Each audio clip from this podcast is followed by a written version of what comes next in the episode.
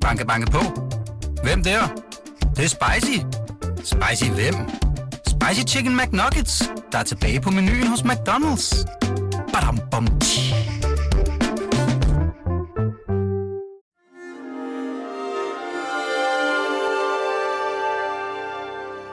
Du lytter til Weekendavisens hjemmeskole.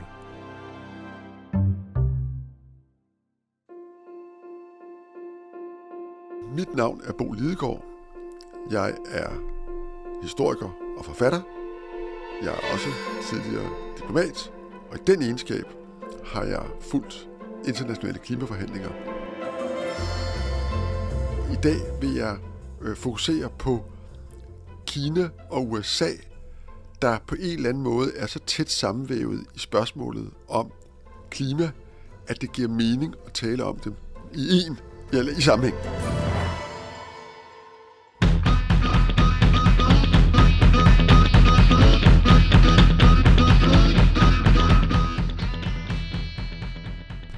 Hvis jeg starter med USA, så øh, er det jo sådan, at USA har været den store industrimagt, og jo historisk set den største udleder, som har haft sværest ved at komme ind i klimakampen.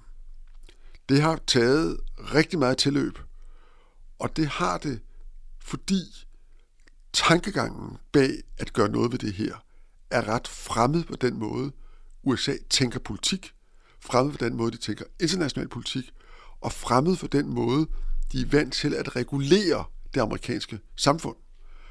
Og derfor er der også rigtig mange amerikanere, som øh, indtil for ganske nylig har været yderst skeptiske, både over for videnskaben bag, øh, om det her faktisk har at gøre med menneskeskabte udledninger, øh, om de ekstreme vejrudviklinger, som vi øh, ser stadig flere af øh, overalt i verden, og som jo også USA har været hårdt ramt af, tørke, oversvømmelse, brænde osv., hvorvidt det faktisk er et resultat af menneskeskabte klimaforandringer.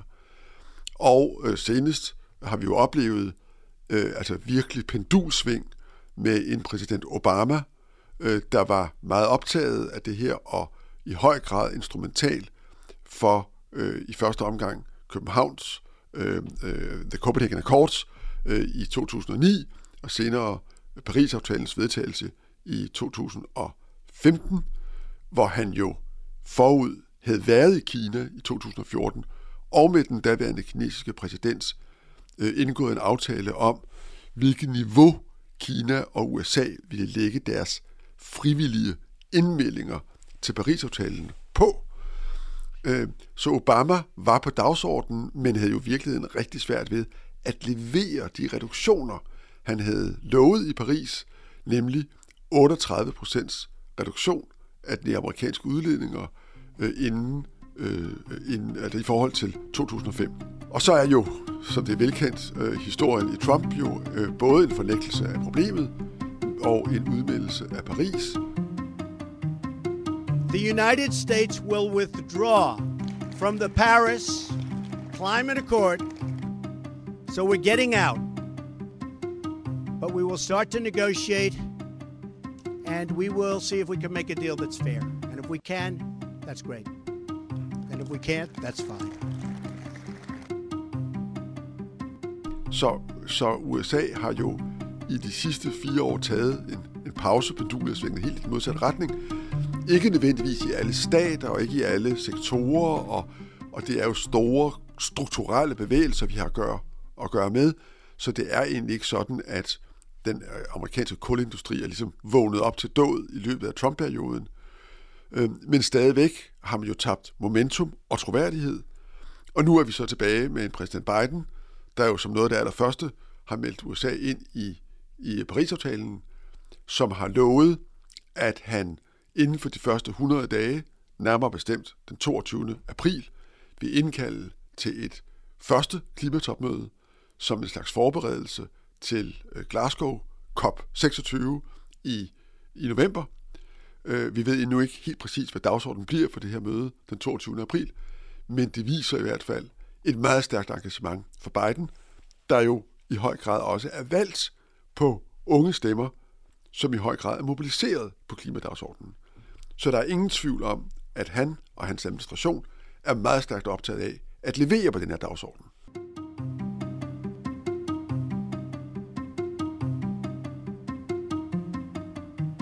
Men USA er et svært land at levere i.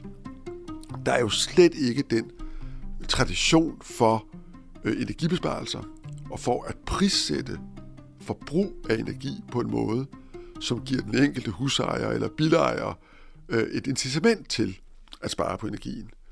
Øh, og øh, der er dybt ned også i den fattige del af USA, og den er stor, øh, også en skepsis over for, om det egentlig er noget, de skal beskæftige sig med, og en meget stor optagethed af, øh, og, af arbejdspladser, øh, herunder arbejdspladser i øh, for den fossile industri, øh, kul og olie og gas, rørledninger osv. Og det er ikke noget tilfælde, at Biden i sine første udmeldinger omkring øh, de nye store hjælpepakker i USA efter pandemien er, er meget optaget af at vise, at mange penge skal øremærkes til projekter, som er meget arbejdskraftintensive, og som faktisk har at gøre med olie, gas og kul, men det er så at gøre med at øh, lukke lækager og udbedre rørledninger og, og lukke miner på en måde, som er øh, miljømæssigt forsvarlig. Han prøver i virkeligheden at skabe en slags alternativ beskæftigelse for mange af de mennesker, som har arbejdet i den amerikanske øh, fossilindustri. Og det er i virkeligheden et billede på noget, som, som øh, rigtig mange politiske ledere øh, slås med. Øh, det gælder for eksempel også i Europa for Polen, at det er jo en, en fuldstændig indlysende bekymring for en politisk leder i et land, hvor rigtig mange mennesker er beskæftiget i øh, en industri, der har at gøre med øh, olie- og kul- og gasudvinding, at man ikke bare øh, fra den ene dag til den anden gør alle de her mennesker arbejdsløse. Så det at få dem omskolet og drejet ind i nogle andre forløb, er utrolig vigtigt politisk for Biden. Og i det hele taget er det jo utroligt svært, eller det er en, en, en, en, en vigtig del af den politiske bestræbelse, at skabe ikke bare sådan en overfladisk tilslutning til klimamål og, og reduktion af drivhusgasser, men faktisk at vise vælgerne, at de tiltag, man må gennemføre, kan gennemføres, uden man skaber massearbejdsløshed, og uden man fratager almindelige mennesker deres mulighed for at producere og leve og forbruge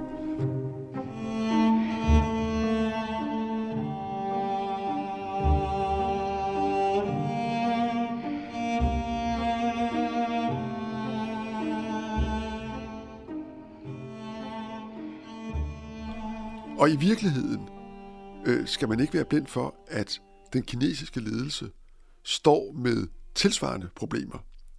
For selvom Kina jo på ingen måde er demokrati, på samme måde som USA eller Europa, så er det jo ikke sådan, at den kinesiske ledelse ikke står til ansvar øh, over for befolkningen.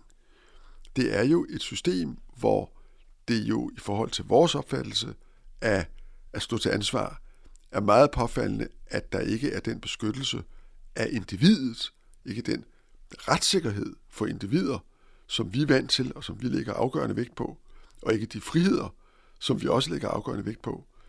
Men der er jo også i Kina et meget sofistikeret system af repræsentation og ansvarliggørelse af ledelser på forskellige niveau.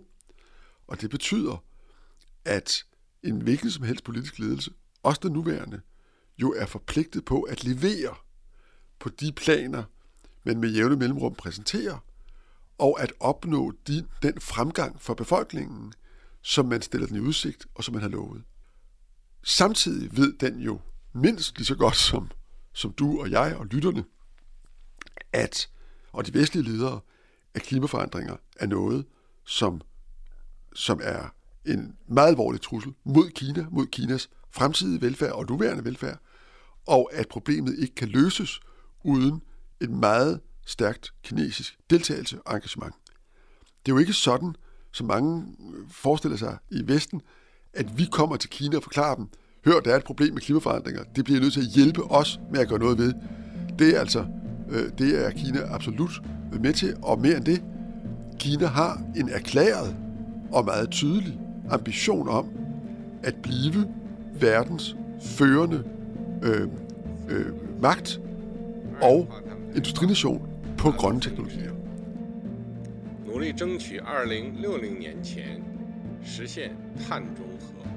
在此，我愿进一步宣布， Eller sagt med en anden måde, det er den erklærede kinesiske målsætning at være det sted i verden, der både teknologisk og industrielt er bedst til at løse det her problem og levere de teknologier og de produkter, som hjælper resten af verden med at gå øh, i retning af klimaneutralitet. Altså hvis Danmark tror, at vi har den grønne føretrøje på, så skulle jeg hilse at sige, at det mener Kina også, at de har. Og de har på mange måder mere at have det i. Selvfølgelig også fordi det er et meget, meget større land, og de i den grad satser industrielt på alt, hvad der har med grøn omstilling, alt, hvad der har med grønne teknologier at gøre.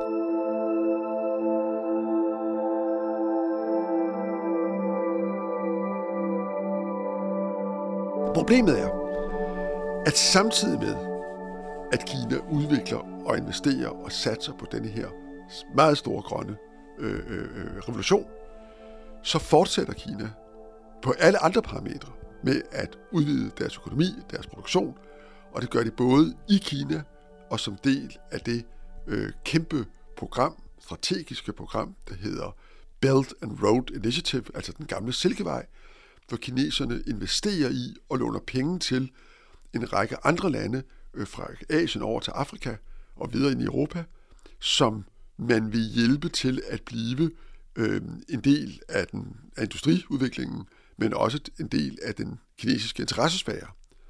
Og i både deres øh, øh, øh, hjemlige produktion og i den her Silkevejs øh, øh, strategi, der investerer Kina samtidig massivt i fossile teknologier og låner penge til opførelse af nye kulkraftværker.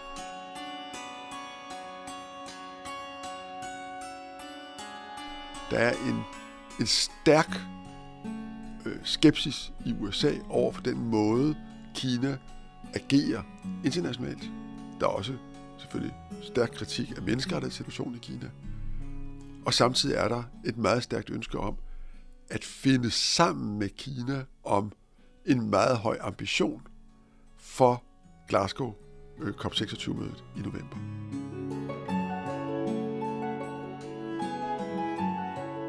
Vi er i øjeblikket i en slags grønt kapløb mellem Europa, USA og Kina.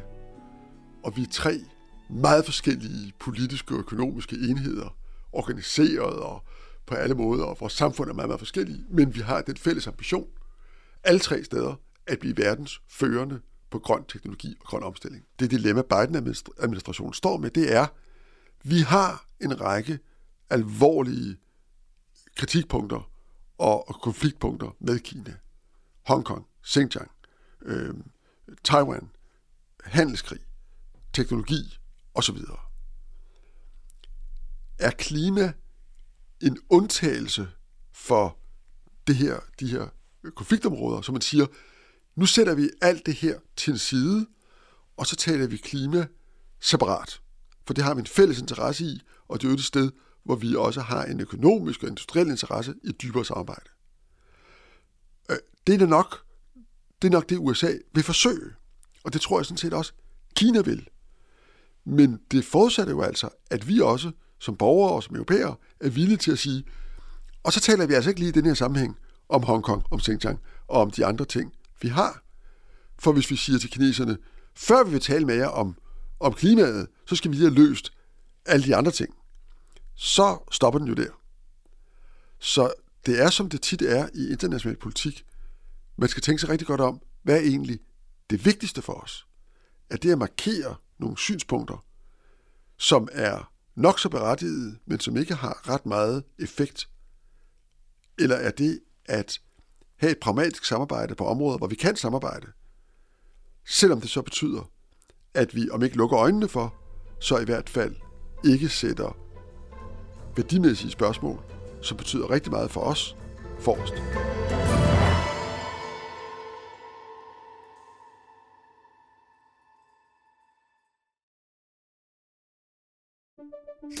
Banke, banke på.